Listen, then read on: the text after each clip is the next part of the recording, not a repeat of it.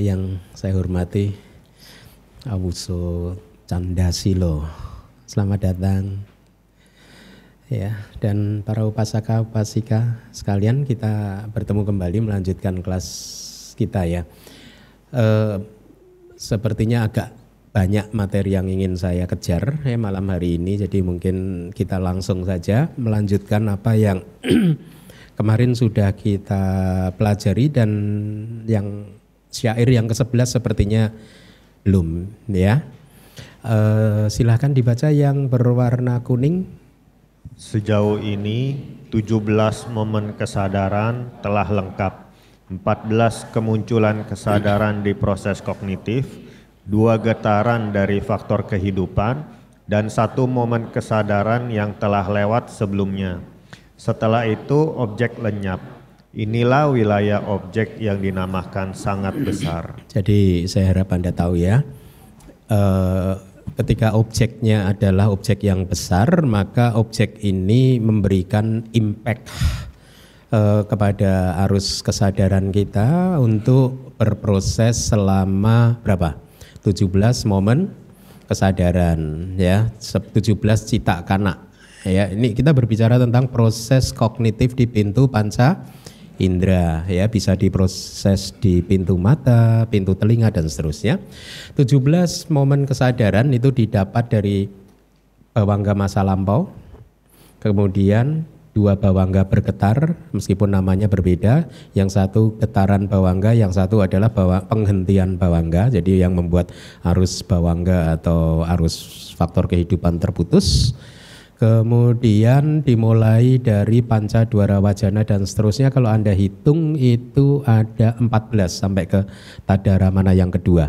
Jadi di tabel yang pertama ini ya kita berbicara tentang proses kognitif di nomor urut yang pertama ya. Jadi proses tersebut memerlukan 17 momen kesadaran ya sesuai dengan umur dari fenomena materi uh, saya harap Anda mulai tahu bahwa objek dari mata kita ini adalah yang disebut sebagai rupa aramana atau objek bentuk atau warna aramana. Kalau sesungguhnya objek bentuk yang Anda lihat ini hanyalah gradasi warna. Jadi sesungguhnya ini terdiri dari perubahan-perubahan warna saja sehingga kelihatan seperti ini gitu. Tapi secara teknis kadang Anda bisa memanggilnya atau memberi nama sesuai dengan apa yang diajarkan di Abhidhamma rupa aramana objek bentuk atau warna aramana atau warna ramana disambung. Jadi objek warna. Ya sama. Merujuk kepada satu fenomena hakiki yang sama realitas hakiki yang sama yang menjadi objek mata kita dan juga menjadi objek kesadaran lain yang muncul di proses kognitif pintu panca indera gitu ya Silakan dibaca lagi.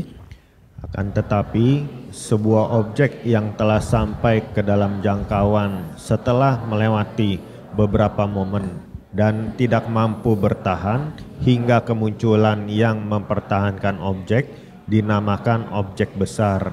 Sehubungan dengan hal tersebut, harus jatuh ke dalam faktor kehidupan di akhir dari impuls sama sekali tidak ada kemunculan yang mempertahankan objek. Nah ini sedang kita sedang uh, berbicara tentang di tabel yang proses nomor 2 dan nomor 3. di proses nomor 2 dan nomor 3 tidak ada kemunculan tadaram mana ya. Kenapa tidak tadaram mana tidak muncul?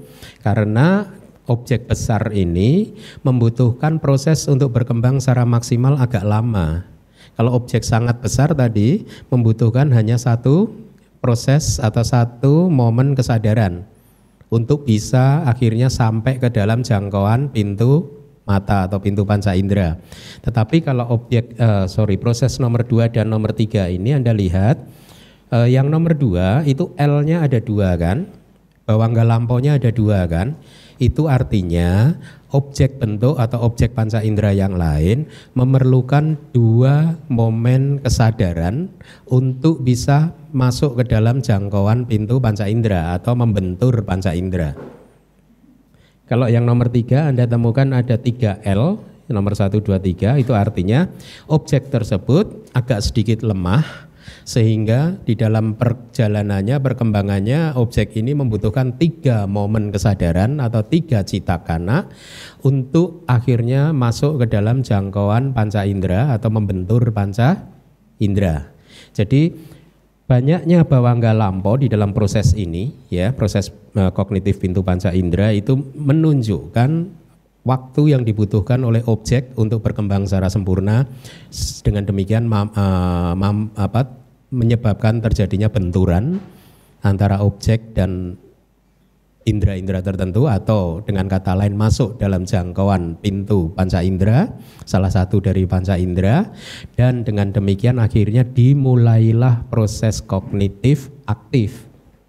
Kalau bisa ya. Kalau waktunya cukup akan dimulai proses kognitif aktif. Tetapi kalau tidak cukup waktu, maka nanti seperti yang Anda lihat di objek yang sangat kecil itu tidak ada proses kognitif aktif ya itu yang dimaksud. Uh, nah di proses nomor dua dan nomor tiga dikatakan tidak ada tadaramana. Saya harap anda tahu hukum tadaramana salah satu dari hukumnya adalah kalau dia harus muncul, dia harus muncul berapa kali?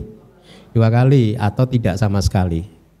Ya, kalau tidak mempunyai cukup waktu untuk muncul dua kali, tadaramana tidak muncul sama sekali. Itu salah satu hukum. Nanti Anda minggu depan atau dua minggu lagi akan belajar tentang hukum tadara mana yang lain. Ada beberapa hukum, ya. Nah, ini menariknya belajar abidama karena seperti yang awal sudah saya sampaikan, belajar abidama itu seperti bermain jigsaw puzzle kan. Sekarang kita mulai menggabung-gabungkan puzzle-puzzlenya kan. Sudah mulai mendapat sedikit gambaran tentang oh ternyata cara bekerjanya pikiran seperti ini. Ternyata cara bekerjanya proses melihat seperti ini tidak sesederhana seperti yang saya bayangkan sebelumnya. Ternyata membutuhkan proses yang complicated yang rumit seperti ini. Lalu kemudian mungkin ada yang bertanya buat apa Bante saya mempelajari ini? Ini sebagai panduan. Pelajaran ini sebagai panduan Anda untuk Anda realisasi sendiri nanti melalui meditasi Anda ya hanya dengan merealisasi mendapatkan pemahaman yang tepat tentang fenomena batin dan fenomena tubuh jasmani maka pencerahan dimungkinkan maka keluar dari samsara dimungkinkan. Tanpa merealisasi dengan pemahaman yang tepat terhadap fenomena nama dan rupa batin dan tubuh jasmani maka nibbana hanyalah di angan-angan ya kita akan terus berputar-putar di dalam samsara. Baik mari kita lanjutkan uh, tadi ada kalimat seperti yang berwarna kuning sama sekali tidak ada kemunculan yang mempertahankan objek artinya tidak ada tadara mana kan? Hal ini karena ketika kesadaran telah berumur 14 momen kesadaran objek lenyap. Artinya 14 momen kesadaran itu yang aktif bawangganya tidak Anda masukkan. Ya. Makanya pentingnya belajar secara terstruktur dengan uh, apa dan secara menyeluruh e, karena berbagai kitab abidama ini sangat luas sekali ya. Kita tidak bisa hanya mengandalkan satu kitab saja kemudian mengajar karena kadang akan menjadi sangat rancu dan opini-opini kita yang terlibat gitu. E, kalau kita di Myanmar dulu kita benar-benar diajari bagaimana untuk bisa membuka semua kitab dan kemudian meng, me, me, melihat uh, ada perbedaan di sini dan di sana. Ternyata seperti yang minggu lalu saya sampaikan sering kali perbedaan itu hanya masalah istilah saja. Seperti misalkan kalau di Abhidhamma Sanggaha uh, uh, objek kecil ya ini adalah seperti ini jalurnya, tetapi kalau di eh, di mana? Di Damasanggani di kitab komentarnya Damasanggani maka objek kecil ini adalah objek yang eh, apa moga wara fase yang sia-sia bahkan termasuk objek yang yang besar itu juga termasuk sebagai uh, moga wara uh, rute atau fase yang sia-sia. Tetapi kalau di Abhidhamma Sanggaha yang disebut fase sia-sia hanyalah yang terakhir kan? Yang objek sangat kecil kan? Ya. Hanya namanya berbeda tetapi ajarannya intinya itu sebenarnya tidak berbeda. Sama sekali tidak ada kemunculan yang mempertahankan objek, jadi hanya ada 14 momen kesadaran. Eh, setelah itu objeknya lenyap, itu 14 itu berarti minus yang bawangga ya. Bawangga masa lampau dan dua getaran bawangga itu di, tidak dihitung. Dengan demikian, tadara mana tidak bisa muncul karena objek lampau tidak bisa bercampur dengan objek masa kini di dalam satu proses kognitif yang sama. Nah, ini penting. Di dalam satu proses kognitif yang sama, di dalam proses kognitif pintu panca indera, hanya ada satu objek saja. Objeknya harus sama di dalam satu proses kognitif. Tidak bisa misalkan dari yang mengarahkan ke pintu panca indera sampai ke yang memutuskan objeknya adalah saya misalkan, kemudian jawananya objeknya berbeda. Tadara mananya objeknya berbeda, nggak bisa. Di dalam satu proses sesuai dengan tabel ini, objeknya hanya satu. Saya ulangi lagi, di dalam satu proses kognitif, ya, objeknya hanya satu, tidak bisa berbeda, ya, kecuali nanti kita di uh, kita belum belajar ada ada kejadian tertentu di mana objeknya di dalam satu proses kognitif bisa berbeda misalkan. Tapi ini kejadian ini khusus. Misalkan begini. Jadi kalau di Padhana di kitab uh, Abhidhamma Pitaka yang terakhir itu ada satu syair yang kira-kira berbunyi seperti ini. Uh, kira-kira begini. Perasaan peras doma nasawedana tidak bisa langsung diikuti di dalam proses kognitif ya, tidak bisa langsung diikuti oleh somanasa. Ya. Kenapa? Karena nasa wedana, perasaan tidak senang dan perasaan sukacita itu sifatnya sangat bertolak belakang. Jadi cita dengan perasaan tidak menyenangkan tidak bisa begitu lenyap tidak bisa langsung diikuti dengan cita lain dengan perasaan yang menyenangkan karena sifatnya berbeda. Bisa demikian pula sebaliknya, ya. Cita dengan perasaan menyenangkan tidak bisa langsung diikuti dengan cita dengan perasaan yang tidak menyenangkan.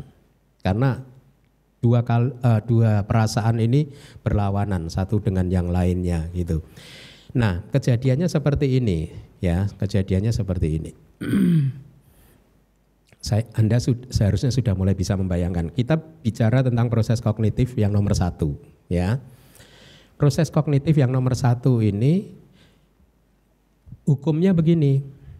Kalau objeknya itu menyenangkan, maka upek uh, sorry wipaka cita atau kesadaran resultan adalah kesadaran resultan yang baik. Paham? Misalkan ini, kalau melihat Buddha berarti cakup winyananya yang mana? Kusala wipaka kan, karena Buddha adalah objek yang baik kan. Sampati canaknya yang mana? Kusala. Santirananya yang mana? Kusala. Nah, seandainya yang melihat Buddha ini adalah umat beragama lain, kan dia nggak suka nih sama Buddha. Tapi caku winyananya tetap kusala wipaka. Tetapi karena dia tidak suka berarti jawabannya apa? Dosa mula cita. Oke, perasaannya tidak menyenangkan kan. Kemudian tadaramananya yang mana? Karena tadaramana adalah kesadaran resultan, buah dari karma, objeknya ini baik, berarti tadaramananya yang mana? Tetap yang kusala wipaka, ya. Tetapi ya, setelah tadaramana apa? Bawangga. Bawangganya yang mana? Nah, bawangga ini kan sama dengan patik sandi kan? Sama dengan kesadaran penyambung kelahiran kembali kan, bahwa enggaknya. Seandainya orang ini adalah seseorang yang kesadaran penyambung kelahiran kembalinya dulu adalah kesadaran penyambung kelahiran yang disertai dengan somanasa, sukacita. Ya, paham ya? Patik sandinya dengan sukacita, dengan somanasa wedana. Maaf, prosesnya tadi tidak ada tadara mana. Ya. Berarti setelah domanasa jawana dosa mula jawana, ya, kemudian bawangga. Tetapi bawangganya ini dengan somanasa, kan begitu ya? Karena bawangganya dengan somanasa tidak bisa langsung muncul, betul. Dosa mula cita tidak bisa diikuti dengan patik sandi yang somanasa, nggak bisa karena bertentangan.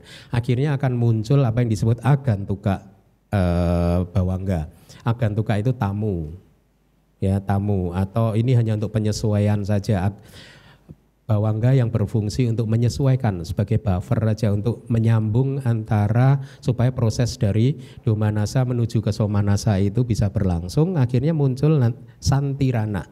Uh, eh, UPK santirana yang berfungsi sebagai bawangga tamu nah ini UPK santirana ini objeknya bisa berbeda Berbeda dengan objek dari jawananya tadi. Ya. Jadi di dalam satu proses akhirnya bisa muncul dua objek yang berbeda itu kondisi khusus yang pertama. Kondisi khusus yang kedua apabila Semoga kita malam ini bisa cukup ada waktu untuk belajar tentang pencapaian jana. Di dalam satu proses pencapaian jana ya eh, ada proses-proses uh, yang berbeda ya kesadaran-kesadaran yang berbeda gitu. Nah, nah tapi kira-kira begitu nanti di dalam satu proses ada juga objek yang berbeda. Meskipun uh, misalkan upacara samadhi itu objeknya adalah pati baga nimita pada saat jana itu muncul objeknya juga pati baga nimita tetapi pati baga nimita dengan kualitas yang berbeda gitu. Jadi Kira-kira begitu ya. Tetapi selebihnya itu uh, secara umum di dalam satu proses kognitif it, uh, objek yang diambil oleh cita yang muncul di proses tersebut objeknya adalah sama, tidak berbeda. Ya. Dalam hal proses kognitif telah berlangsung selama 16 momen kesadaran maka hanya tersisa satu momen kesadaran setelah impuls ya. Dalam keadaan seperti ini tadara mana juga tidak bisa muncul karena ketentuannya harus muncul dua kali. Sebagai gantinya yang muncul apa? Bawangga. Ya. Mudah ya? Mudah. Baik dibaca lagi yang kuning.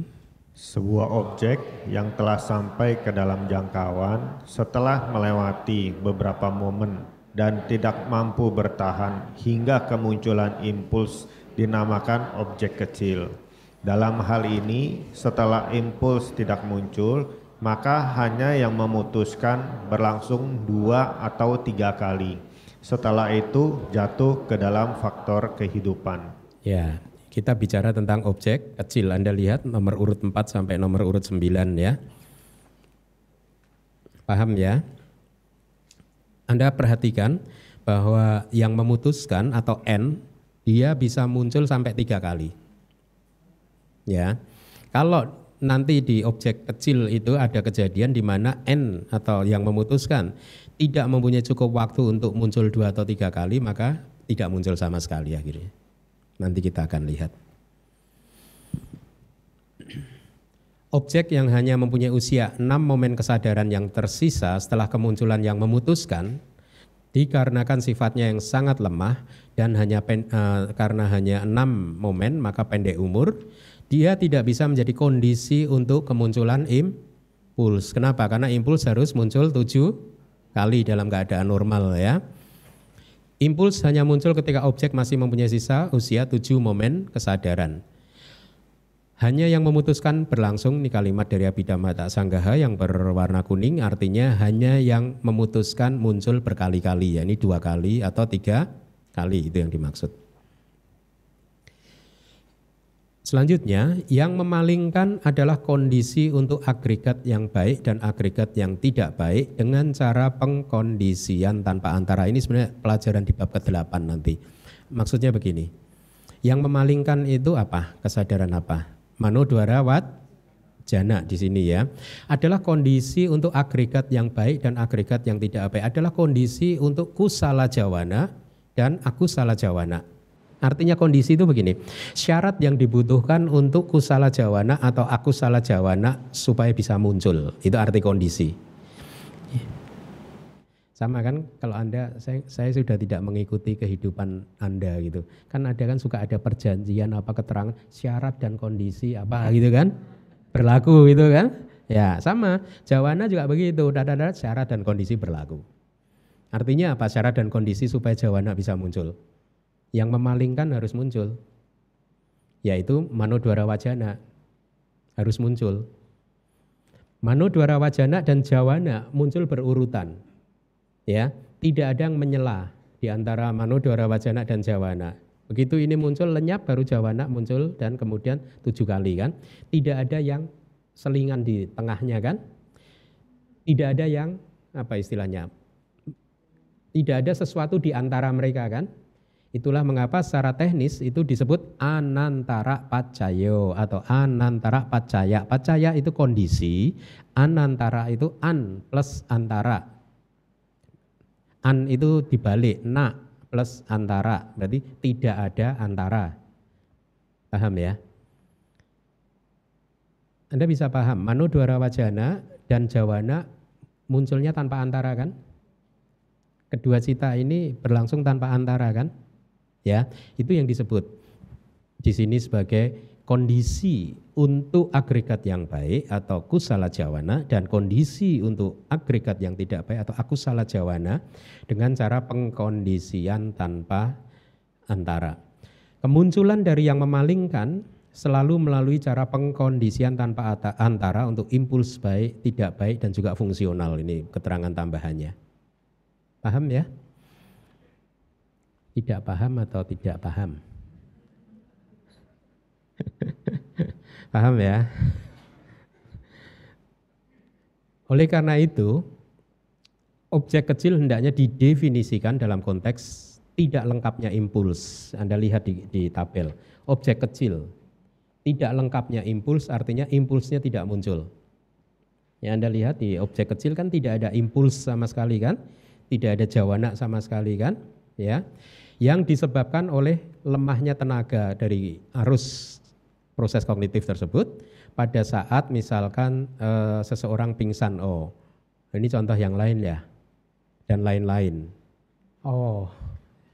Jadi ini maksudnya ini salah satu contohnya ya. Karena lemahnya tenaga dari dari arus kesadaran seperti misalkan seseorang yang pingsan itu ya maka dalam hal seseorang yang pingsan, impulsnya tidak muncul selama tujuh kali. Itu kondisi khusus juga. Impuls bisa muncul hanya mungkin enam kali, tidak harus tujuh kali. Ya, jadi hanya ada kondisi-kondisi khusus atau misalkan proses kognitif menjelang kematian.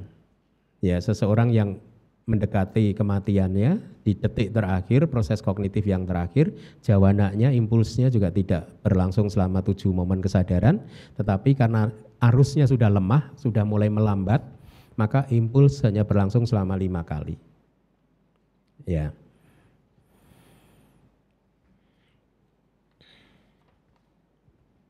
Silakan dibaca lagi yang kuning. Akan tetapi sebuah objek yang sangat dekat pada kelenyapan yang telah sampai ke dalam jangkauan setelah melewati beberapa momen dan tidak mampu bertahan hingga kemunculan yang memutuskan dinamakan sebagai objek yang sangat kecil. Dalam hal ini hanya terdapat getaran faktor kehidupan saja sama sekali tidak ada kemunculan proses kognitif. Kita sedang berbicara tentang objek yang sangat kecil yaitu proses nomor 10 sampai nomor 15. Kalau Anda perhatikan di proses tersebut, proses-proses tersebut hanya berakhir di bawangga, getaran bawangga. Kemudian eh, kita lihat tabel nomor 10 sekarang, eh, nomor urut 10. Anda lihat di momen ke-12 itu adalah getaran bawangga yang kedua, betul? G yang kedua kan, berarti usia dari objek tinggal berapa kali lagi? 12 kan sudah berarti tinggal lima kali kan, lima momen kesadaran kan. Lima momen kesadaran tidak cukup untuk sampai ke proses yang lengkap. Sampai ke tadara mana tidak cukup, sampai ke jawana juga tidak cukup ya. Bagaimana dengan proses sampai ke manodwara wajana? Cukup enggak? Hmm? Kita lihat, kita lihat sekarang. 12. Seandainya nomor 13 ini langsung panca dwara wajana. Ya. Berarti nomor 14 apa? Caku wi kesadaran mata. Nomor 15 sampatit cana. Nomor 16 santirana. Nomor 17 otapana ya ini manu dwara wajana kan? Kesadaran yang mengarahkan ke pintu batin. Habis kan? Padahal tadi ketentuannya begitu. Kalau dia masih bisa muncul dua atau tiga kali lagi, dia akan muncul. Ya, tetapi kalau dia tidak bisa muncul dua atau tiga kali lagi, maka tidak muncul sama sekali. Paham? Nah, nomor sebelas sama ya. Tapi kali ini proses yang dibutuhkan untuk masuk dalam jangkauan indera mata dia lebih panjang, yaitu lebih panjang berapa momen? Satu momen kesadaran sehingga sampai ke nomor sebelas kan? Ya. Apalagi ini sampai ke nomor 11 sehingga tidak ada lagi proses kognitif eh, yang aktif. Dan seterusnya, kalau yang nomor 12 sampai nomor 15 bisa dipahami dengan logika yang sama. Mari kita lihat penjelasan dari Wibawi ini, apa yang dimaksud dengan kalimat sama sekali tidak ada kemunculan proses kognitif karena objek hanya mempunyai umur maksimum 7 momen kesadaran, mari kita hitung. Dimulai dari nomor berapa berarti?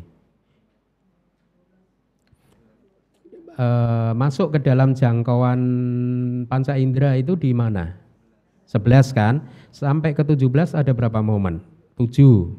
Berarti kan umur objek tinggal 7 momen kesadaran itu yang dimaksud. Maka objek tersebut tidak cukup untuk kemunculan yang memutuskan dua atau tiga kali. Dengan demikian, proses kognitif tidak muncul sama sekali. Sebaliknya, arus kesadaran hanya jatuh pada faktor kehidupan.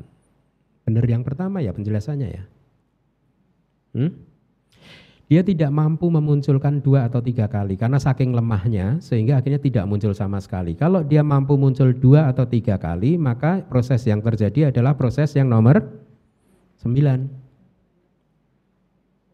Ya, berarti dia adalah objek yang kecil atau proses nomor salah satu empat lima enam tujuh delapan sembilan. Ya. Nah, kali ini objeknya sangat lemah sehingga bahkan untuk memunculkan dua kali atau tiga kali tidak mampu. Maka akhirnya tidak muncul proses kognitif aktif sama sekali. Berarti benar penjelasan saya yang pertama tadi. Ya.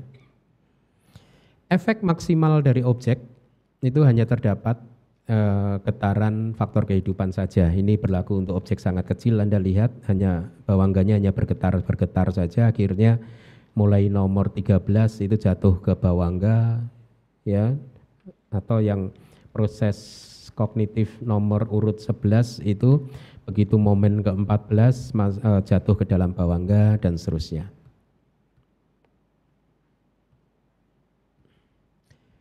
Mari dibaca lagi. Seperti halnya proses di pintu mata, maka demikianlah pula untuk proses di pintu telinga dan lain-lain. Jadi, dari semua yang telah dijelaskan, empat set kejadian objek hendaknya dipahami dalam empat jalur perwujudan objek, berturut-turut fase hingga yang mempertahankan objek, fase hingga impuls, fase hingga yang memutuskan dan fase yang sia-sia. Kita cermati sebentar. Jadi itu ada kalimat jadi dari semua yang telah dijelaskan empat set kejadian objek hendaknya dipahami apa saja? Objek yang sangat besar, objek besar, objek kecil dan objek sangat kecil. Ada empat fase. Apa saja? Tadaramana wara atau fase hingga yang mempertahankan objek, fase hingga impuls, hingga jawana kan, berakhir di jawana, fase hingga yang memutuskan berarti berakhir di wotabana dan fase yang sia-sia yaitu yang hanya getaran-getaran bawangga saja tidak ada proses kognitif yang aktif. Tidak ada cita yang aktif yang muncul. Disebabkan tiadanya kemunculan proses kognitif, maka menurut Abhidhamma Sanggaha, hanya yang terakhirlah yang disebut sia-sia, fase yang sia-sia. Walaupun kitab komentar dari Dhamma Sanggani ya juga mengatakan fase hingga impuls yaitu objek besar dan fase hingga yang memutuskan berarti apa? Objek kecil ya sebagai proses yang sia-sia karena tiadanya yang mempertahankan untuk objek besar dan tiadanya impuls untuk objek kecil. Ya, hanya namanya saja yang berbeda. Mari baca lagi yang berwarna kuning. Di dalam lima pintu, masing-masing terdapat tujuh kesadaran di proses kognitif dan empat belas kemunculan kesadaran. Secara lengkap terdapat lima puluh empat. Ada penjelasannya. Tujuh kesadaran di proses kognitif itu mana saja? Yang memalingkan atau yang memalingkan ke pintu panca indera yaitu panca dwara wat jana cita. Kemudian kesadaran indriawi ya uh, salah satu dari dwi panca winyana sepasang kesadaran indriawi ya. Kemudian sampati jana kemudian santirana kemudian wotapana kemudian jawana dia hitung satu. Tadaramana juga dihitung satu berarti berapa? Tujuh ya Uh, angka 14 didapat dari mana? Anda hitung, uh, jawananya dihitung satu-satu. Berarti Pancadora Wajana, sampat, uh, sorry, Caku Winyana, Sampaticana, Santirana, Wotapana, Jawana, Jawana, Jawana, Jawana, Jawana, Jawana, Jawana, 12, Tadaramana, Tadaramana, 14. Ya, Dua yang mempertahankan objek, oh sorry, 5 plus 7 plus 2, 14 ya. Secara lengkap terdapat 54 kesadaran, artinya 54 kesadaran lingkup indrawi. Masih ingat kama wacara cita ya? Ada berapa kama wacara cita? 54. Hmm.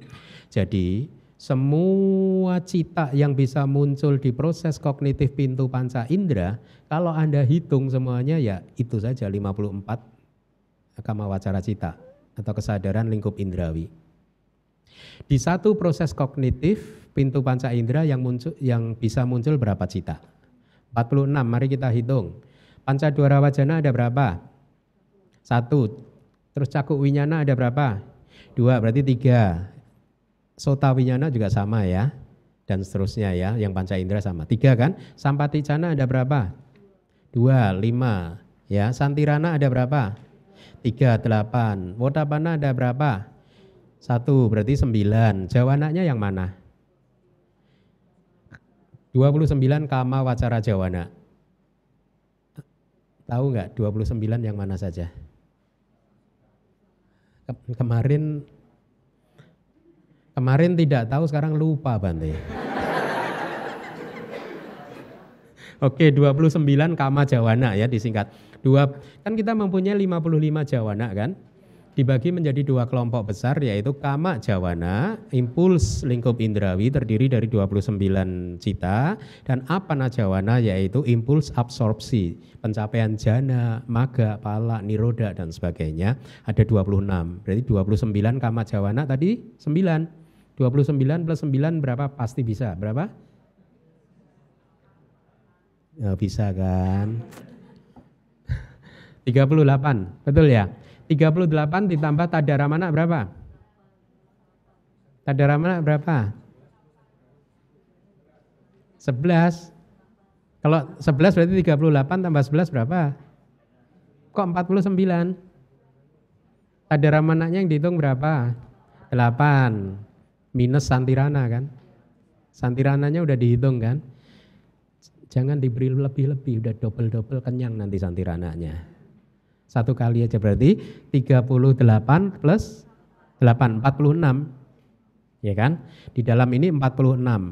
Padahal kita masih mempunyai dua sotak winyana, dua kesadaran hidung, dua kesadaran lidah, dua kesadaran tubuh. Berarti berapa? 8 kan? 46 tambah 8 berapa?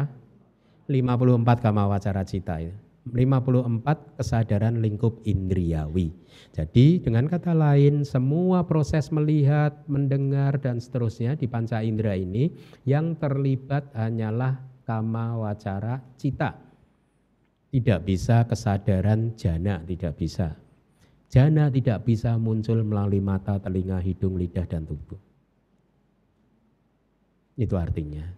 Maga dan pala juga tidak bisa muncul melalui proses pintu mata, telinga, hidung, lidah, dan tubuh. Paham ya? Udah mulai pintar sekarang Anda ya? Sebentar lagi saya kalah pintar nih. Selesai. Mari kita lanjutkan. Udah satu jam tuh gimana? Teaser ya, teaser sih. Untuk materi selanjutnya.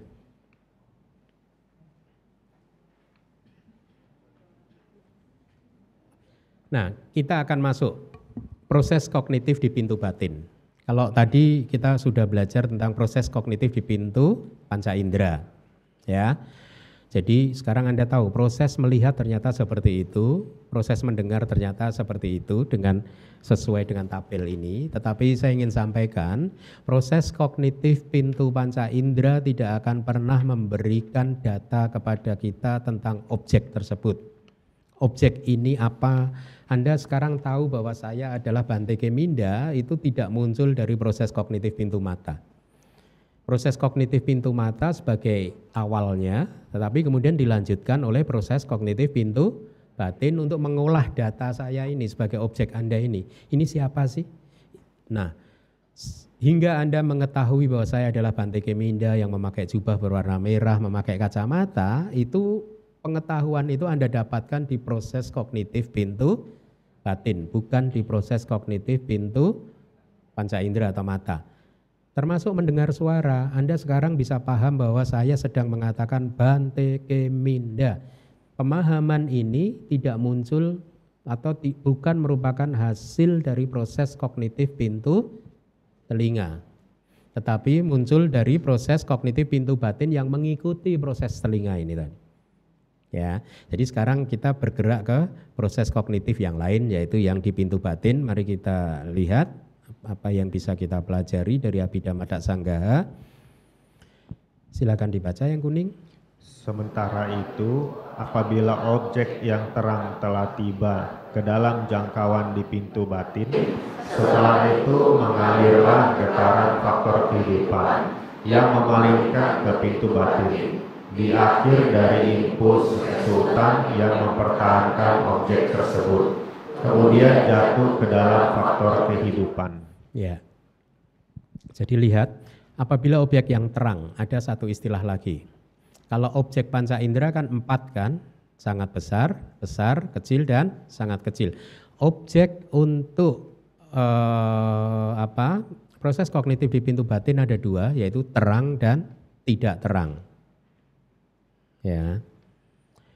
Anda perhatikan, apabila ada objek terang yang telah tiba dalam jangkauan pintu batin, maka setelah itu mengalirlah getaran faktor kehidupan yang memalingkan ke pintu batin, ah, maksudnya berurutan ya, setelah getaran faktor kehidupan lenyap, kemudian yang memalingkan ke pintu batin atau mano dwara wajana muncul, kemudian lenyap, setelah itu langsung impuls.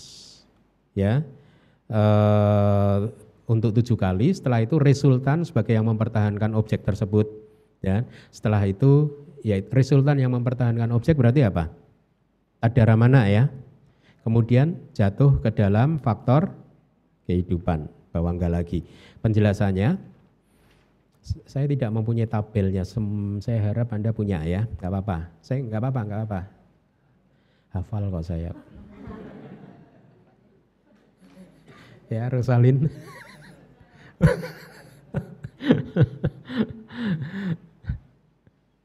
Proses kognitif di pintu batin, nah ini ini saya ambilkan dari kitab lain, bukan dari Wibawinitika, karena saya pikir ini bermanfaat buat Anda. Saya kelompokkan dulu proses kognitif di pintu batin, uh, saya pisah menjadi dua dulu yang perlu Anda ketahui. Yang pertama adalah fase impuls terbatas atau lingkup indriawi, sama. Berarti ini adalah jawananya kama jawana, 29 kama jawana, ya. Kemudian yang kedua adalah fase absorpsi impuls atau ini adalah proses kalau Anda mencapai jana, maka pala niroda sama pati. Ya. Jadi semuanya muncul di proses kognitif pintu batin.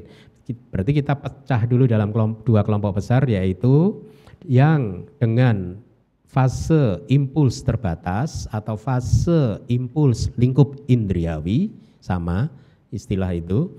Kalau Anda suka bahasa palinya parita, sering kan bertemu dengan kata parita. Salah satu arti dari parita itu kecil, Ya, selain arti lain adalah protection. Ya. Parita jawana wara. Wara itu kan fase. jawana impuls Anda baca dari belakang. Berarti wara apa? Fase atau fase? Jawana impuls, parita kecil lah ya atau juga bisa lingkup indriawi sama. Berarti fase impuls kecil atau fase impuls lingkup indriawi. Kemudian yang kedua fase absorpsi, jana. Nah, Anda mulai belajar sekarang, oh ternyata pencapaian jana ini nanti seperti ini ya. Jadi menarik ya. Ya.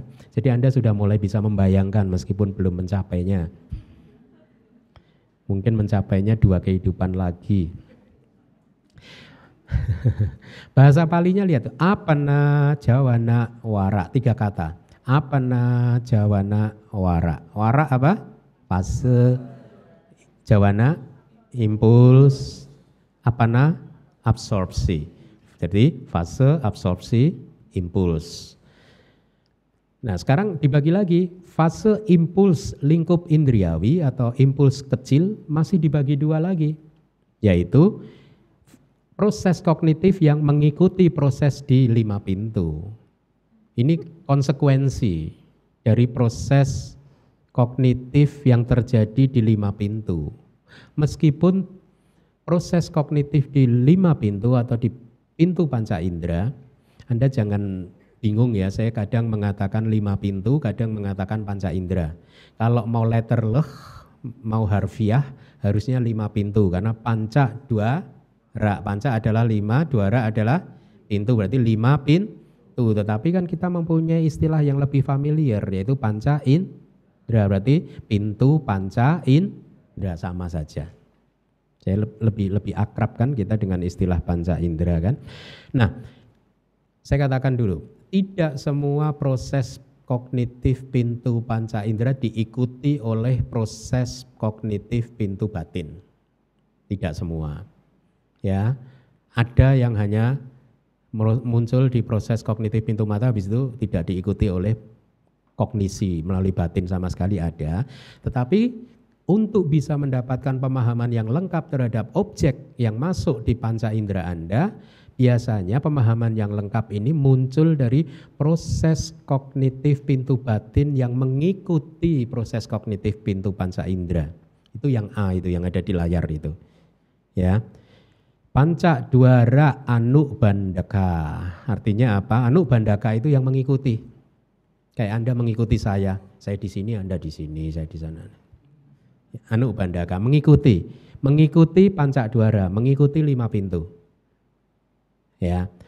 Kemudian yang kedua adalah proses yang independen, tersendiri. Artinya apa? Proses batin yang muncul sendiri bukan merupakan konsekuensi atau keharusan dari apa yang telah muncul di pintu panca indera.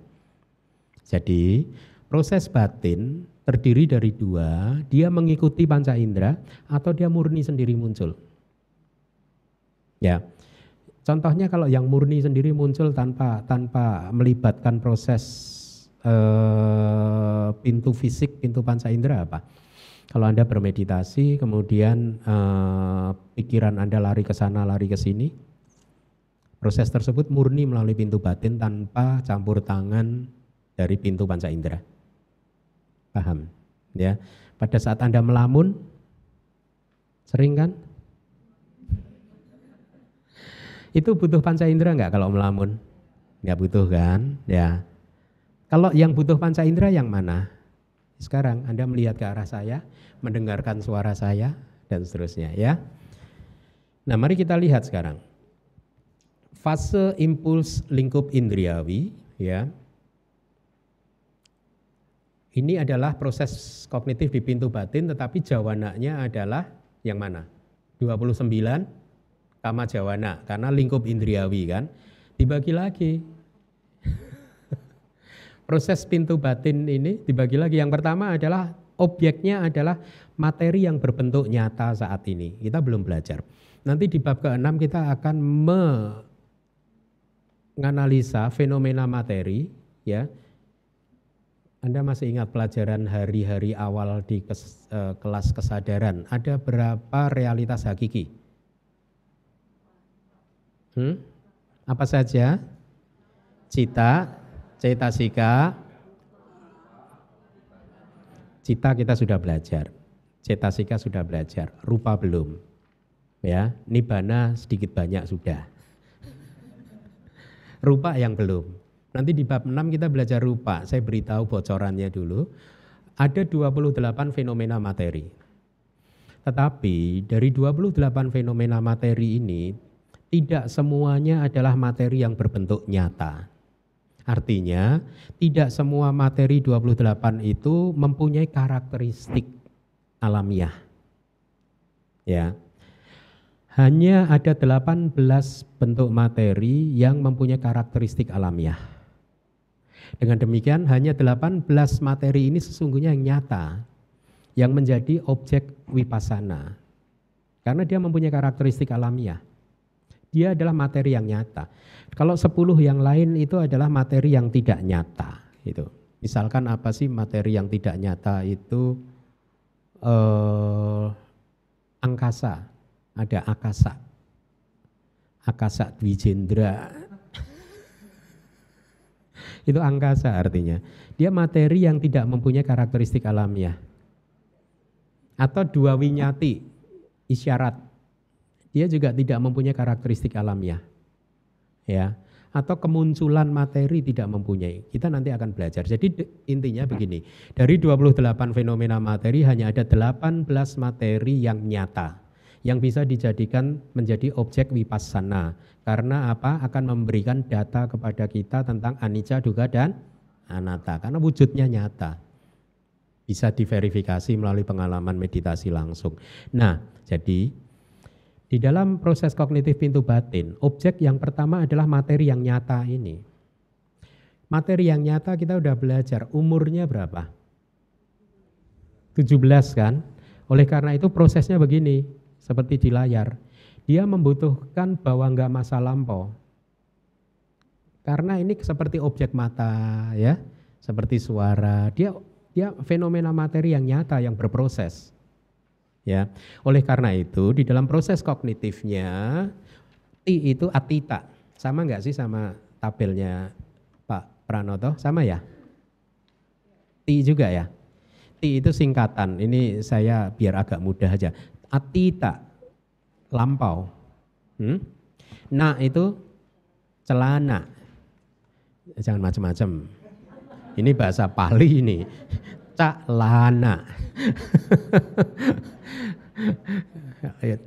Bawangga celana. Artinya apa celana itu? Getaran ya. Kemudian ya itu apa? Upaceda. Bawang bawangga upaceda atau digabung menjadi bawang upaceda atau penghentian bawangga atau pemutusan bawangga yang membuat akhirnya harus bawangga terputus ya. Karena objeknya adalah materi yang nyata, dia berproses secara nyata sehingga ya seperti di proses kognitif pintu mata atau pintu panca indera, dia membutuhkan satu momen bawangga lampo untuk membentur panca eh, pintu batin. Sama. Ya. Dan setelah itu prosesnya sama. Getaran bawangga dua kali, kemudian mano dwara wajana, M, ya. Kemudian jawana tujuh kali, dan tadaramana dua kali, setelah itu jatuh ke bahwa enggak gitu. Nah, Anda Anda Anda renungkan. Materi yang nyata seperti ini mempunyai umur berapa? 17 kan? Mari kita lihat. Hitung. Ti, na, da, mano dua wajana 4. 7 jawana berarti 11. Tadaramana 2 berarti 13. Masih 4 lagi kan? Bawangga 4 kali. Tetapi objeknya bawangga ini apa? Bukan tadi, bukan apa? E, bukan materi yang berbentuk tadi, objek dari bawangga kan dari kehidupan lampau kan? Yaitu apa? Kama, tanda karma, dan gati nimita atau tujuan, e, tanda tujuan. Ya, tanda tujuan. Kama, kama nimita, gati nimita. Objeknya bawangga berbeda. Loh, tadi Bante mengatakan di dalam satu proses kognitif hanya ada satu objek yang sama. Iya, bawangga bukan proses kognitif. Bawangga adalah bebas proses atau bebas pintu. Tidak termasuk. Kalau tadi kan saya bercerita tentang UPK Santirana yang mengambil objek yang berbeda. Kalau bawangga dia bukan termasuk di dalam proses. Paham ya? Nah, tadi saya kita berbicara tentang materi yang nyata, tapi ada juga materi maksudnya materi yang nyata tapi saat ini kan muncul saat ini sedang muncul kan. Nah, lalu bagaimana kalau objeknya adalah materi yang nyata tapi sudah lewat dari masa lampau atau materi yang nyata tapi yang belum terjadi, yang akan muncul di masa depan. Bisa loh. Sesuatu yang belum terjadi bisa dilihat oleh mereka yang mempunyai apinya. Yang akan muncul itu bisa terlihat. Ya. Jadi materi yang masa lampau artinya sudah tidak eksis lagi di masa sekarang ataupun materi yang akan muncul di masa depan atau juga cita ya. Cita kan usianya tidak 17 Cetasika juga usianya tidak 17 momen kan? Satu momen aja kan? Jadi ini cara membacanya begini.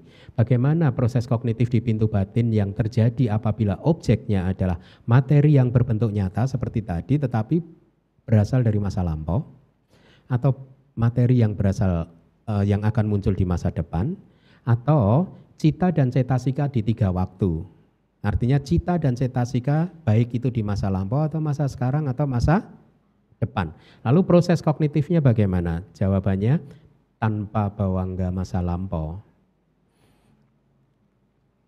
Karena objek-objek tersebut tidak berlangsung sampai 17 momen kesadaran. Ya. Makanya bawangga masa lampaunya i-nya tidak ada. Saya nggak tahu apakah di tabel dibuat ada ya. Saya lupa. Ada.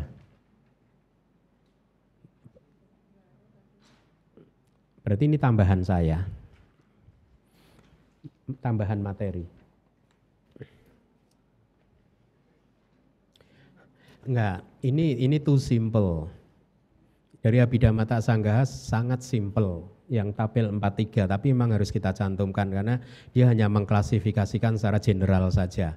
Nah, yang ini tadi saya katakan saya ambilkan dari kitab lain lebih detail, saya rasa lebih lebih lebih bagus. Nanti pun kita akan bahas sesuai tabel ini. Jadi Anda lupakan dulu tabel ini. Ya.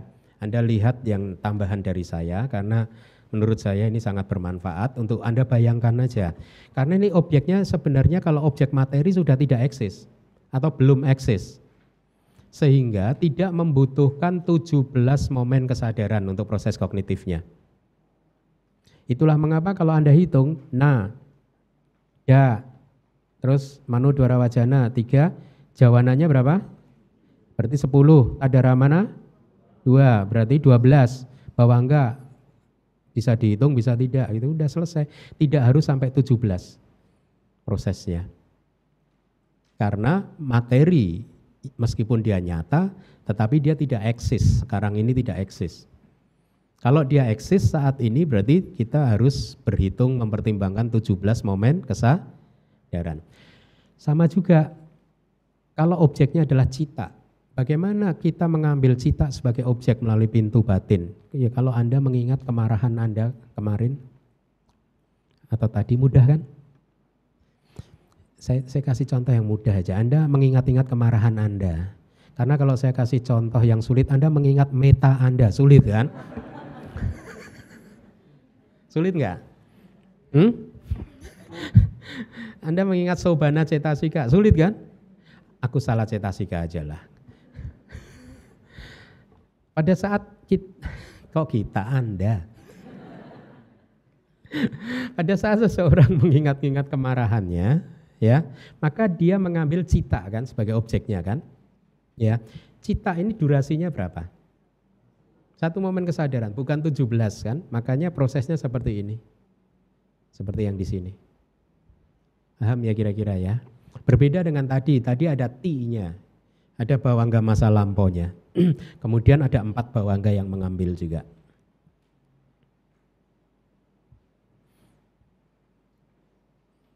Ada pertanyaan? Banyak. Catat aja pertanyaannya, besok kalau ada kelasnya Aling ditanyakan. ya. Jangan tanyakan ke saya, dibully aja Aling. Jangan dong ya. Nah, ini ini bab 6 ini. Kira-kira tadi saya udah udah katakan kan ada 28 fenomena materi. Anda lihat con concretely produced matter. Ada 18, Anda lihat earth element, ada elemen tanah, elemen air, elemen api, elemen air lagi.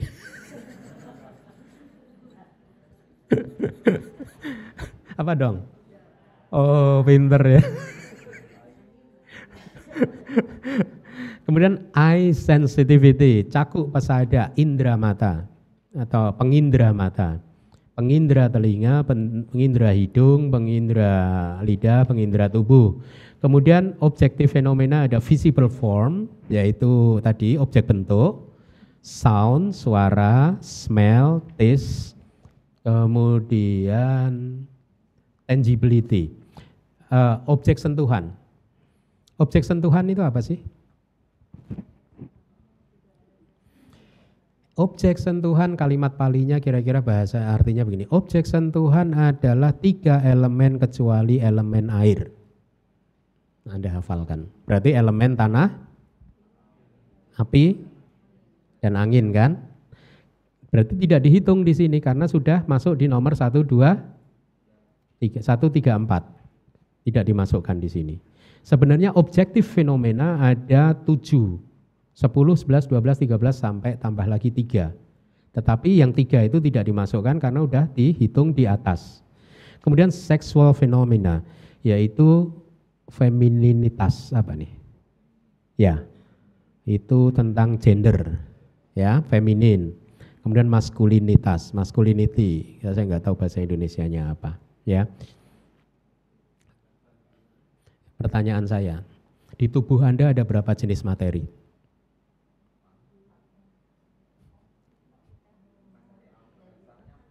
Ada berapa?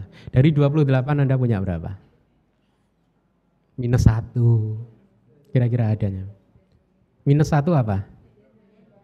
Hah? Ada yang punya dua ya?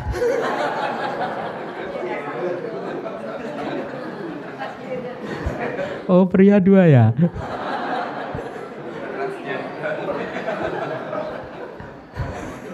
punya 28 ya semua ya? 27 saja. Pilih salah satu lah yang nomor 14. Jangan dua-duanya jangan diambil. Anda pilih nomor 14 atau 15? Pria nomor 14 atau 15? Pilih 15. Oke. Pilih salah satu aja.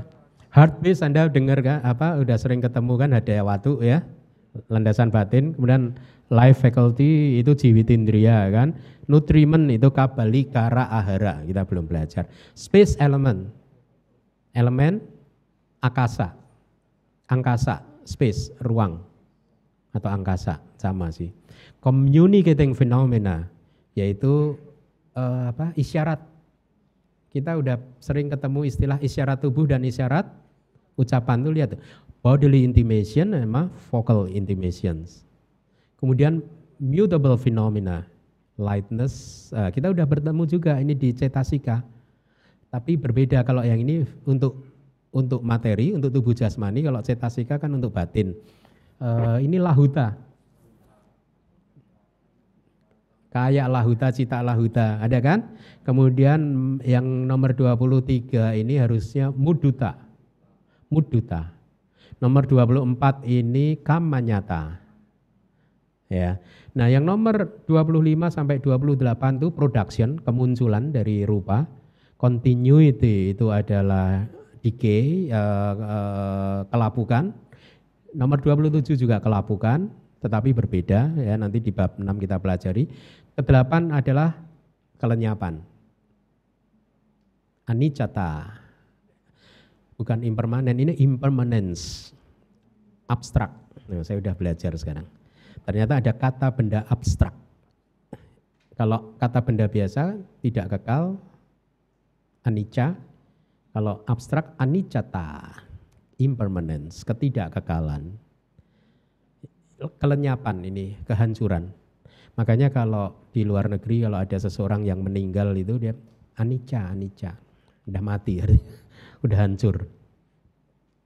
Nah tadi saya katakan, dari 28 fenomena materi ini hanya ada 18 yang konkret, yang nyata. Karena mempunyai karakteristik alamiah. Yang 10 yang sebelah kanan tidak mempunyai karakteristik alamiah. Space, angkasa, angkasa itu enggak mempunyai karakteristik alamiah. Dia hanyalah uh, kalau di perumpamaan di kitab komentar ini begini loh. Angkasa itu hanyalah ruang yang memisahkan antara beberapa fenomena materi yang nyata. Jadi diberi contoh misalkan ada satu keranjang kemudian diisi telur asin. Telur asin dipenuhin. Jarak antar telur asin itu kan ada space kan? Yaitu yang disebut angkasa. Dia tidak nyata, dia hanya memisahkan fenomena materi saja. Paham? Ya. Kemudian bodily intimation itu kan tidak mempunyai durasi 17 momen kesadaran kan, kan hanya durasinya umurnya sama dengan cita kan. Kemudian isyarat ucapan juga umurnya berapa? Satu momen kesadaran saja kan, dan seterusnya. Nah, Anda mulai saya kenalkan. Ya, terakhir saya akan sampaikan ini karena saya rasa ini bermanfaat dan ini juga berasal dari kitab lain agak berbeda dengan apa yang saya sampaikan di buku kesadaran, di buku manual yang pertama. Tetapi sesungguhnya intinya juga sama. Kalau Anda ingat di buku kesadaran saya menyampaikan prosesnya itu ada lima atau ada enam. Proses yang mengikuti pada saat seseorang melihat apa ya waktu itu ya SUV ya mobil apa gitu ya berwarna apa gitu kan. Itu kan muncul proses yang berurutan kan. Nah, sekarang saya ambilkan dari kitab lain ini sebagai jurus dasarnya saja. Tadi saya katakan ada proses kognitif pintu batin yang mengikuti proses kognitif pintu panca indera sehingga akhirnya proses mengenali objek menjadi lengkap, menjadi sempurna. Nah biasanya secara garis besar bisa dikelompokkan menjadi empat proses ya. Uh, uh, yang pertama ini adalah proses kognitif di empat pintu. Anda perhatikan kecuali pintu telinga. Ya. Di empat pintu kecuali pintu telinga prosesnya setelah proses kognitif pintu mata muncul dan lenyap ya, maka akan muncul proses mengambil objek lampau. Artinya apa? Kalau kita berbicara tentang proses kognitif pintu mata kan durasi dari objek bentuk berapa? 17 momen kesadaran. Begitu proses kognitif pintu mata lenyap, objeknya lenyap kan? Objek yang lenyap tadi diambil oleh proses kognitif pintu batin. Ya, objek yang sudah lampau tadi diambil oleh uh, di, uh, dijadikan objek di proses kognitif pintu batin sehingga dimulailah proses untuk mengkognisi secara sempurna gitu pada saat yang pertama ini terjadi, dia mengambil objek lampau. Sebenarnya kalau di kitab komentarnya itu dijelaskan sangat detail sekali.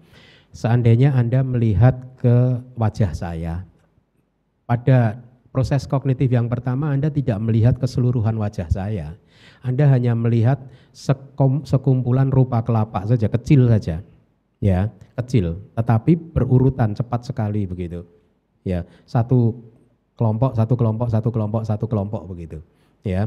Pada saat proses kognitif pintu mata pertama katakanlah mengambil satu kelompok di dahi saya begini, begitu lenyap akan diproses uh, dilanjutkan dengan proses mengambil objek lampau. Ini yang fenomena materi ini yang sudah lenyap ya.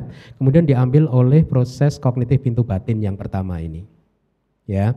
Setelah itu akan muncul proses mengambil objek secara keseluruhan. Setelah urutannya setelah satu kumpulan materi, kemudian berpindah kumpulan materi yang kedua proses kognitif pintu mata lagi, kemudian muncul yang A tadi, kemudian berpindah lagi proses mata lagi, pintu mata, kemudian dilanjutkan yang A lagi, sampai kemudian lengkap, baru kemudian muncul proses yang B. Rumit ya? Ya. Proses mengambil objek secara keseluruhan, akhirnya sekarang bentuk uh, mat, uh, wajah ini sudah di, sudah di, di, diamati melalui proses kognitif pintu batin di proses yang B ini ya objeknya sebenarnya masih fenomena hakiki, masih realitas hakiki. Di proses yang A tadi juga objeknya masih realitas hakiki. Belum konsep. Belum. Masih melihat rupa.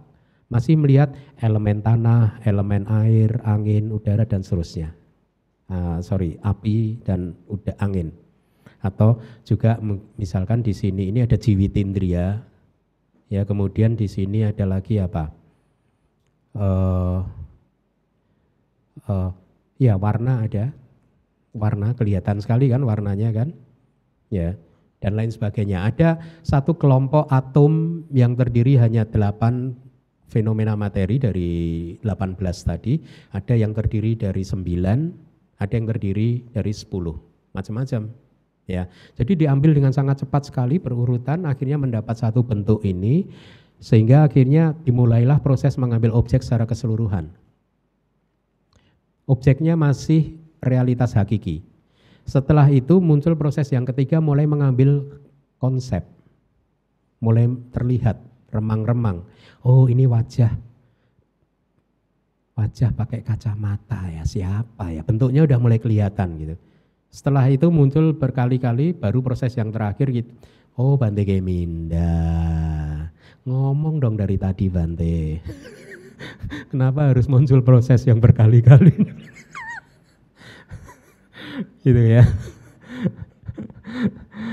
ya. Nah, Anda amati empat proses ini terjadi di proses kognitif empat pintu kecuali apa? Pintu telinga. Karena pintu telinga kejadiannya terbalik. Sama yang A proses mengambil objek lampau masih realitas hakiki tapi udah lampau. Yang ini juga proses mengambil objek secara keseluruhan, objeknya masih suara realitas hakiki. Kemudian proses mengambil nama dulu, bukan bentuk dulu. Nama, misalkan laptop. Nah, laptopnya dulu namanya kedengeran dulu, bentuknya lupa, belum. Baru terakhir, oh yang itu yang namanya laptop. Jadi dia dibalik. Baik, saya rasa cukup. Daripada Anda meledak. cukup ya? Atau dilanjut? Atau, aduh kok enggak dari tadi sih Bante. Baik, terima kasih.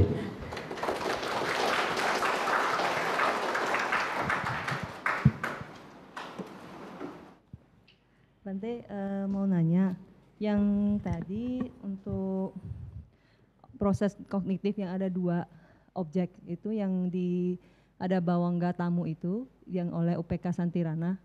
Nah itu objeknya apa Bate? Objeknya UPK Santirana adalah kamawat teksnya begini. Objek dari UPK Santirana adalah Parita Ramana atau Kama Wacara Ramana yang baru saja dialami belum lama. Contohnya gimana ya, Pak? Misalkan, berarti ya, misalkan, misalkan kalau habis mendengarkan Parita Aramana apa saja? 54 cita. 54 kama wacara cita. Terus? 52 cetasika. 52 cetasika. 28 terus? rupa. 28 rupa. Konsep masuk enggak? Enggak, enggak. bagus. Konsep masuk dong? Enggak, enggak. Nibana dan konsep enggak masuk. Parita Aramana. Parita Aramana. Parita, ya. Jadi konsep tidak masuk. Jadi misalkan begini, habis mendengarkan ceramah dhamma, ya, eh, kemudian misalkan anda selama mendengarkan ceramah dhamma ini kan selama dua jam anda melihat ke arah saya, ya toh? wajah saya udah terekam di dalam pikiran anda kan, ya. Kemudian setelah setelah ini tiba-tiba anda melihat seperti yang tadi saya ceritakan prosesnya, akhirnya memunculkan uh, apa? Jawana yang diisi dengan dosa mula cita, ya. Padahal pati sandi Anda adalah somanasa. Jadi setelah jawana kan tidak bisa langsung bawa enggak karena dosa mula cita diikuti dengan somanasa tidak bisa. Akhirnya muncul sebagai buffernya itu adalah UPK Santirana. UPK Santirananya mengambil apa? Objek yang baru saja dialami. Tidak harus yang dua jam ini, tapi yang baru saja dialami kalau di dalam teks diceritakan objek apa saja yang dialami di dalam kehidupan ini. Satu kehidupan ini. Gitu. Jadi UPK Santirana muncul mengambil objek wajah saya. Wajah saya kan rupa. Nah, kan wajah saya ini kan fenomena materi. Berarti termasuk dalam parita aramana atau objek kecil atau objek lingkup indriawi. Setelah itu dia muncul satu momen lenyap baru bawangganya somanasanya bisa muncul. Bisa objek yang objek masa lampau eh, masa lalu yang udah lewat yang mana saja dulu. Mm -hmm, tapi teksnya mengatakan di kehidupan saat ini. Tidak bisa di kehidupan yang sebelumnya. Ada yang mau bertanya? Enggak saya lagi. Maaf Bente. Uh, terus uh, kan tadi ada yang dia untuk... curang loh. Kalau dia ngajar saya nggak boleh masuk loh. Jadi boleh tanya enggak biar nggak ngantuk ya. Bente tadi kan ada yang untuk uh, fase impuls terbatas kan ada yang mengikuti proses di lima pintu tapi tidak semua proses di lima pintu itu diikuti oleh proses pintu batin. Nah itu apakah tergantung objeknya besar, kecil atau bagaimana? Apakah tergantung objeknya besar, kecil tidak sih? E, objek sangat besar juga bisa saja tidak diikuti oleh proses konsekuensi yang mengikutinya ya. Misalkan tiba-tiba dia entah apa kolaps atau apa gitu. Tidak harus sih tidak disebutkan objeknya harus apa. Kalau objek yang sangat kecil sudah pasti kan. Karena kan tidak ada proses kognitif aktif kan. Tidak sudah pasti tidak ada proses kognitif pintu batin. Jadi tidak harus objek apa sih. Oh jadi karena ada suatu hal aja jadi tidak masuk bisa ke proses. saja akhirnya proses mengenali objeknya tidak sempurna itu karena tidak ada proses batin yang mengikutinya. Jadi walaupun objek bentuknya sudah terlihat jelas, belum tentu akan muncul sampai ke konsep gitu ya berarti. Ya? Belum tentu, belum tentu. Uh, banyak terjadi di kalangan meditator. Seseorang bermeditasi belum mencapai jana, berarti proses kognitif pintu panca inderanya masih muncul kan? Ya, dia bermeditasi gitu, tiba-tiba mendengar apa dan tiba-tiba dia kayak semacam tidak sadar dengan apa yang terjadi tapi dia masih duduk. Ini yang sering di keliru persepsikan sebagai pengalaman merealisasi nibana. Karena pada waktu itu dia tiba-tiba tidak tahu apa yang terjadi. Kan dikatakan di dalam proses merealisasi nibana itu eh, nama dan rupa itu kan berhenti kan. Jadi pada saat dia tidak tahu apa yang sedang terjadi, kemudian begitu sadar lagi dia baru eh apa ya tadi ya, pengalaman apa ya tadi ya. Gitu. Dia mungkin bisa berada dalam keadaan itu lima menit, 10 menit atau satu jam gitu ya. Nah begitu ditanya guru dia tidak bisa menceritakan, berarti akhirnya confirm bahwa bukan realisasi nibana karena kalau realisasi nibana Anda tidak membutuhkan orang lain untuk mm, memberitahu Anda bahwa itu nibana, Anda akan tahu sendiri gitu kan. Nah lalu proses apa yang terjadi? Ternyata pada saat bermeditasi belum mencapai jana, masih proses kognitif pintu panca indera, tiba-tiba dia masuk ke bawangga. Gitu. Berarti pada saat nah, mendengar suara cekrek, bawangga enggak langsung terus satu jam gitu. Berarti tidak ada pro, proses kognitif pintu telinga tidak diikuti oleh proses kognitif pintu batin. Kira-kira seperti itu. Enggak enggak sadar. Tidak sadar ya Bante ya. Kalau Tapi tidak maksud- tidak juga tidak termasuk tidur ya Bante ya. Enggak. Enggak. Tidur kalau tanpa mimpi juga dikatakan itu jatuh ke bawah enggak. Kalau tanpa mimpian sering kan misalkan ada take nap. Ya, sering kan? Take nap tiba-tiba Anda bangun lagi, eh baru lima menit loh padahal. Tanpa mimpi kan? Nah itu most likely kemungkinan besar itu bawa mas jatuh ke bawah enggak. Kenapa bisa begitu tidak ingat apa-apa? Kan objeknya bawah enggak dari kehidupan lampau. Objek yang udah dulu lama, Anda udah nggak inget lagi, maka kabur, suram, nggak kelihatan. Satu lagi Bante. Ya. Eh, yang tadi yang untuk eh, materi yang nyata itu kan yang buat saat ini yang bisa sampai 17 momen di pintu batin itu itu berarti yang seperti yang pernah Bante cerita seperti seorang yang bisa oh, sudah mencapai jada dan melihat organnya sendiri. Itu Hmm, seperti ya, itu ya, ya, Bante ya. ya. Sed- Sedangkan berarti kalau yang selalu, yang selalu mengikuti eh, proses pintu panca indera itu selalu yang tipe yang kedua dong Bante. Yang Tipe yang materi kedua itu apa? nyata yang hanya 12 momen doang. Materinya. Kalau yang proses yang mengikuti itu, oh iya, berarti udah Objeknya lewat masa kan? lampau. Udah lewat. Gitu Mm-mm. ya Bante ya. Udah lewat. Hmm, Ya, Terima kasih Bante. Ya. Ada yang mau bertanya? Pak Aryo. Sukihotu Bante. Ya.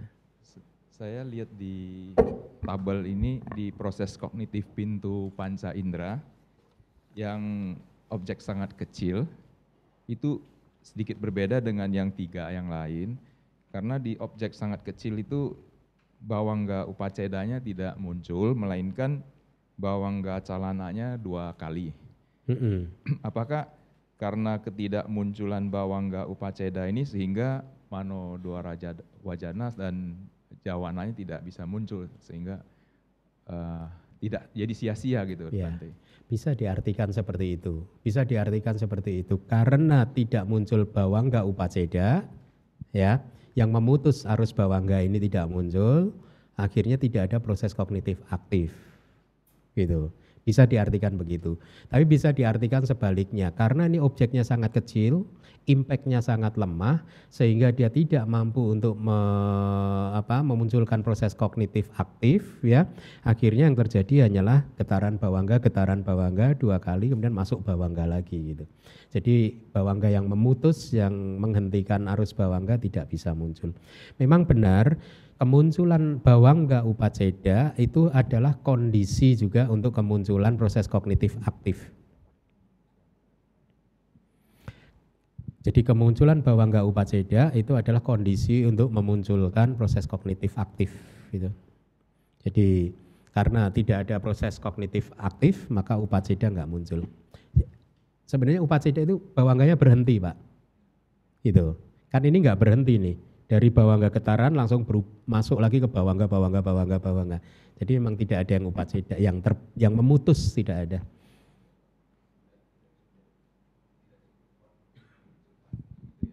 Bawangga upacedanya ya. Eh, eh, tidak cukup sebentar begini Eh, saya ingat-ingat syairnya tidak cukup kuat untuk memunculkan proses kognitif aktif. Karena tidak ada proses kognitif aktif berarti bawangganya tidak terputus. Tidak berhenti. Karena bawangganya tidak berhenti maka upaceda tidak muncul juga. Jadi ini keseluruhan ini sebenarnya arus bawangga semua Pak. Dari dari nomor 1 sampai nomor 17 ini kan bawangga semua hanya namanya aja berbeda-beda gitu. Enggak sempat terputus arus bawangganya. Paham? Maaf Bante, Eh, tadi terkait dengan pertanyaan yang tadi, itu yang eh, objek kecil yang nomor 9 itu nggak ada upaceda, tapi ada pada proses yang lanjutannya untuk objek kecil yang nomor 9. Nomor 9 ya. Iya, NA NA dua kali langsung P. P-nya apa ini? Terputus. Oh ini salah nih. Harusnya P. Oh, harusnya D. P. Ya. Mungkin Pak Pranoto. Oh. Nomor 9. Ya, berarti ada DA-nya ya kalau gitu ya. Nomor 9 yang momen ke-11 Pak. Oh. Itu NA, P. NA, eh, jadi habis NA langsung DA ya. Yang nomor eh 9. ya, objek kecil 9 tapi di urutan ke-11. 11 itu P. P itu kan terputus ya. Bawangga terputus itu. Penghentian bawangga. Iya, tapi habis NA DA. Ada DA berarti kalau itu ya. Berarti NA habis itu DA ya Bante? Hah? Di Kenapa? yang- Kenapa? Di yang sebelasnya jadinya mestinya DA, mestinya upaceda. Iya. Bawangga upaceda. P kan. Eh, Sebelum P bawangga P itu getaran. pancadora wajana Bante. Ya memang enggak enggak. Oh gitu. Ini kan memang kita belum baku istilahnya maaf ya. Tabel ini kan lihat tuh bawahnya itu lihat. Ini masih pakai bahasa Indonesia. Berbeda dengan yang di slide saya. Eh, oh, yang yang baru ini Bante kan Oh, tadi yang baru udah ada. yang baru Oh. yang baru Ya saya nggak punya. Oke oke. Berarti itu U. Eh? eh, Da da da da. Da ya. Da. NA DA ya. Heeh. NA DA. Oke. Oh ini saya yang lama. Yang dari Priyasiwa yang ini ya. Oh oke. Kirain Priyasiwa ngasih saya tabel lama. Paham ya Rosalin ya? Nah, bagus bagus bagus bagus bagus. Berarti nanti seminar ikut Ikut dong. jadi pembicara? Iya, ditunggu ya abstraknya teman-teman.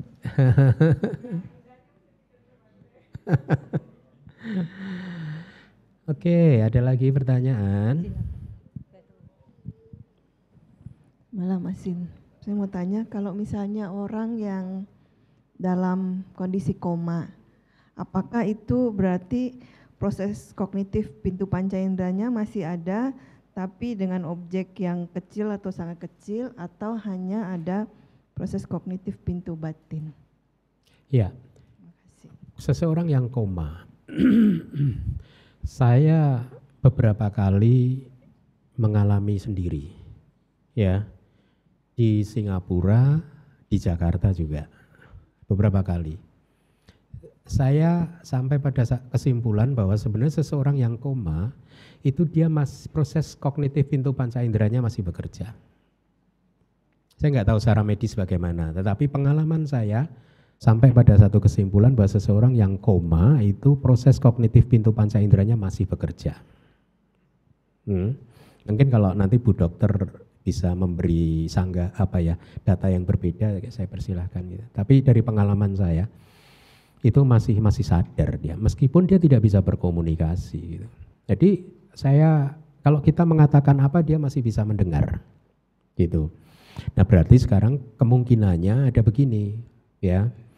Dia bisa mendengar secara penuh apa yang kita sampaikan, tetapi dia tidak bisa merespon karena tubuhnya ada kelainan.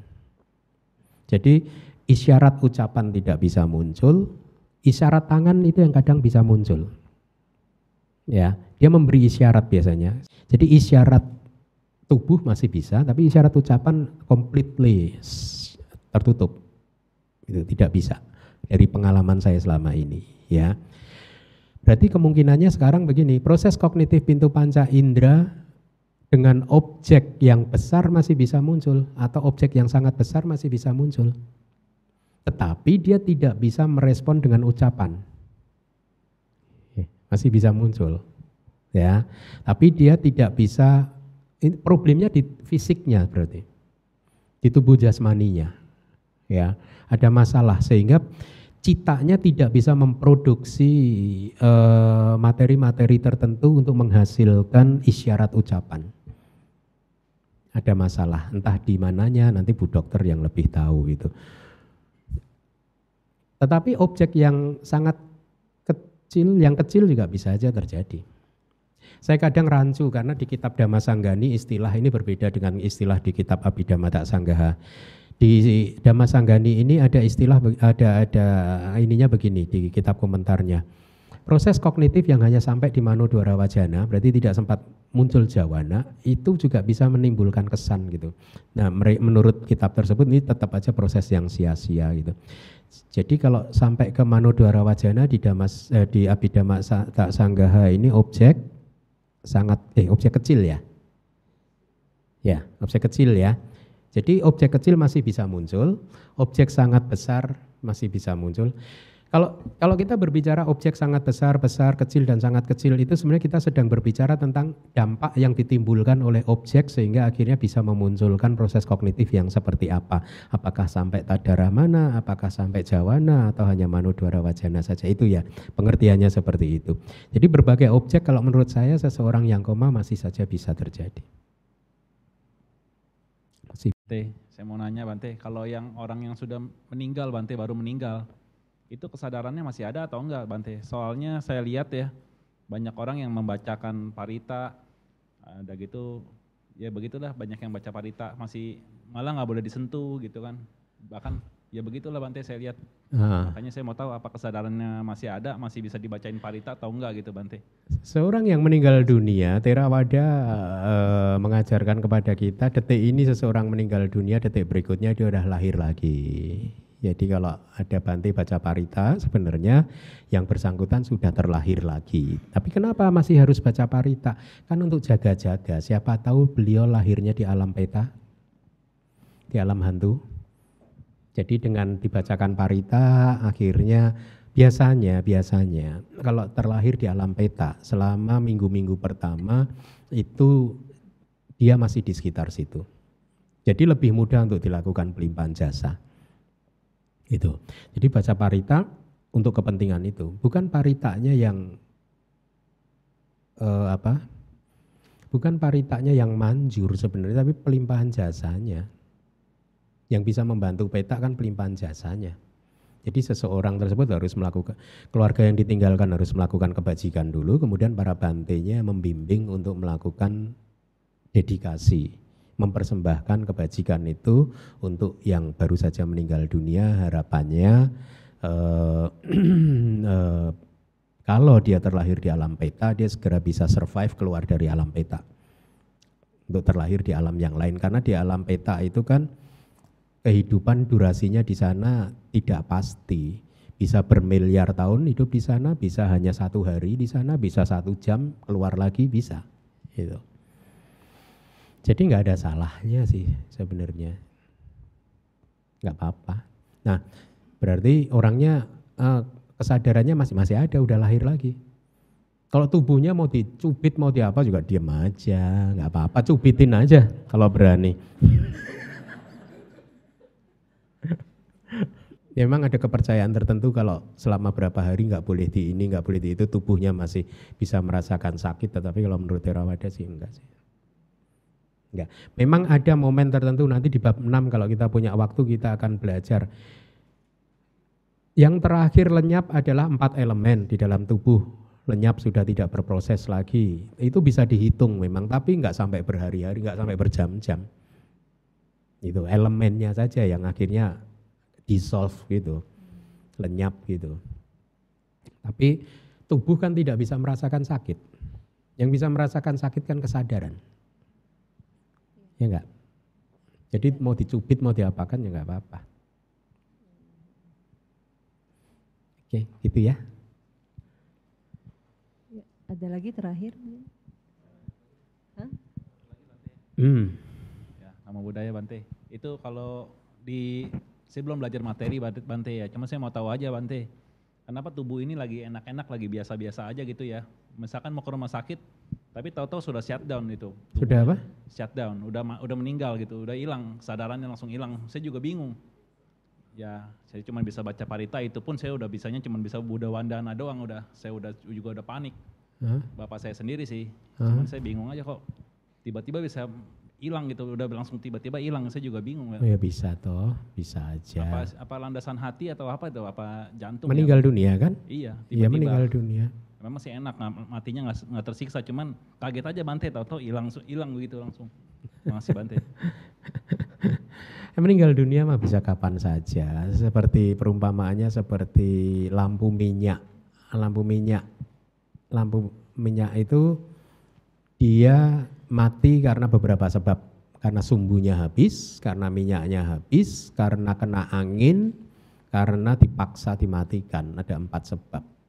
Nah, itu perumpamaan untuk kematian. Seseorang bisa meninggal dunia kalau sumbunya habis. Sumbunya habis itu apa? Karma produktifnya habis. Itu dan seterusnya lah. Ya. Oh sorry, sumbunya habis itu kalau memang sudah eh, timely eh, meninggal dunia memang pada waktunya. Artinya kalau dikatakan di kitab penjelasannya kalau usia manusia saat ini adalah 100 tahun, maka dia meninggal di usia 100 tahun. Ini artinya dia meninggal karena memang sumbunya habis.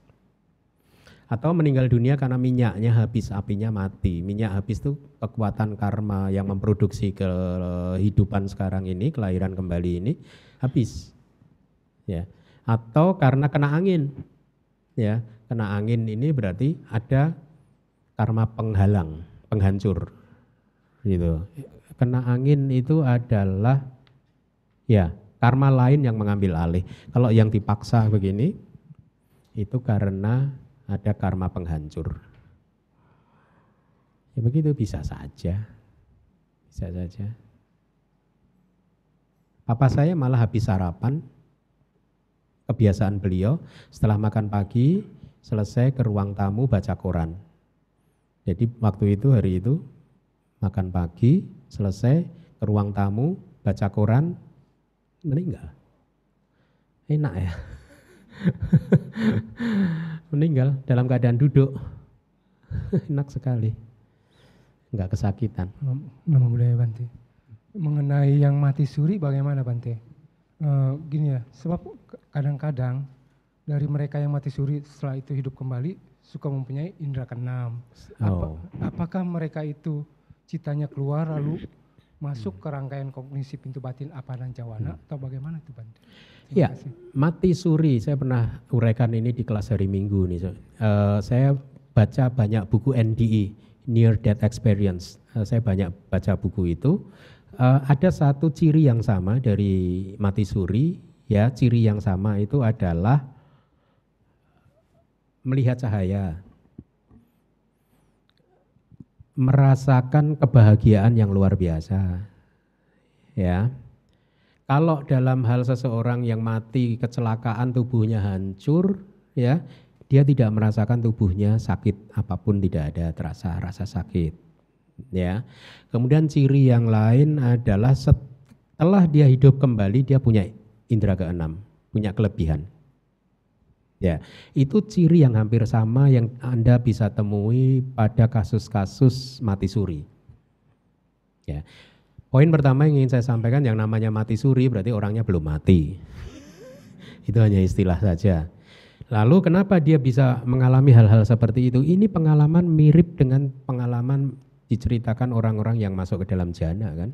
Melihat cahaya, tubuhnya nggak sakit, terus kebijaksanaannya meningkat, merasakan damai bahagia seperti di surga, mirip-mirip kan. Entah itu upacara samadhi, tetangga jana atau masuk ke dalam jana, tapi apa pun itu adalah pengalaman yang memang akan meningkatkan kebijaksanaan seseorang. Jadi saya berasumsi mati suri kalau dalam kasus ciri-ciri tadi itu terjadi, itu orang tersebut entah itu masuk ke upacara jana, upacara samadhi atau jana murni. Kalau jana murni kan dia terserap di dalam cahaya. Tapi kalau dia masih hanya melihat cahaya mengelilingi, kemudian suka melihat orang tuanya yang sudah meninggal dan lain sebagainya gitu, itu mungkin itu masuk dalam konsentrasi yang dekat dengan jana. Itu itu pendapat saya ya, Eh, pendapat pribadi saya gitu. Makanya tidak mengherankan dia bisa setelah sadar kembali bisa mempunyai kelebihan-kelebihan tertentu karena memang biasanya pengalaman itu akan meningkatkan kebijaksanaan seseorang. itu. Jadi tidak mati kayak Mahamogalana disiksa tak tak tak tak tak tak tak giliran ini dia masuk ke dalam jana kan perampoknya menyiksa, dikiranya udah meninggal dunia, padahal dia masuk ke dalam jana. Setelah perampoknya pergi sadar lagi. Gitu. Apa pembunuh bayarannya pergi, beliau sadar kembali. Gitu. Jadi mungkin kalau mati suri seseorang yang tertabrak mobil dalam hitungan second detik itu dia mungkin masuk ke dalam tetangga jana atau masuk dalam jana sama sekali gitu total dalam satu detik dia fokus benar-benar kemudian masuk tercerap. Itu pendapat saya.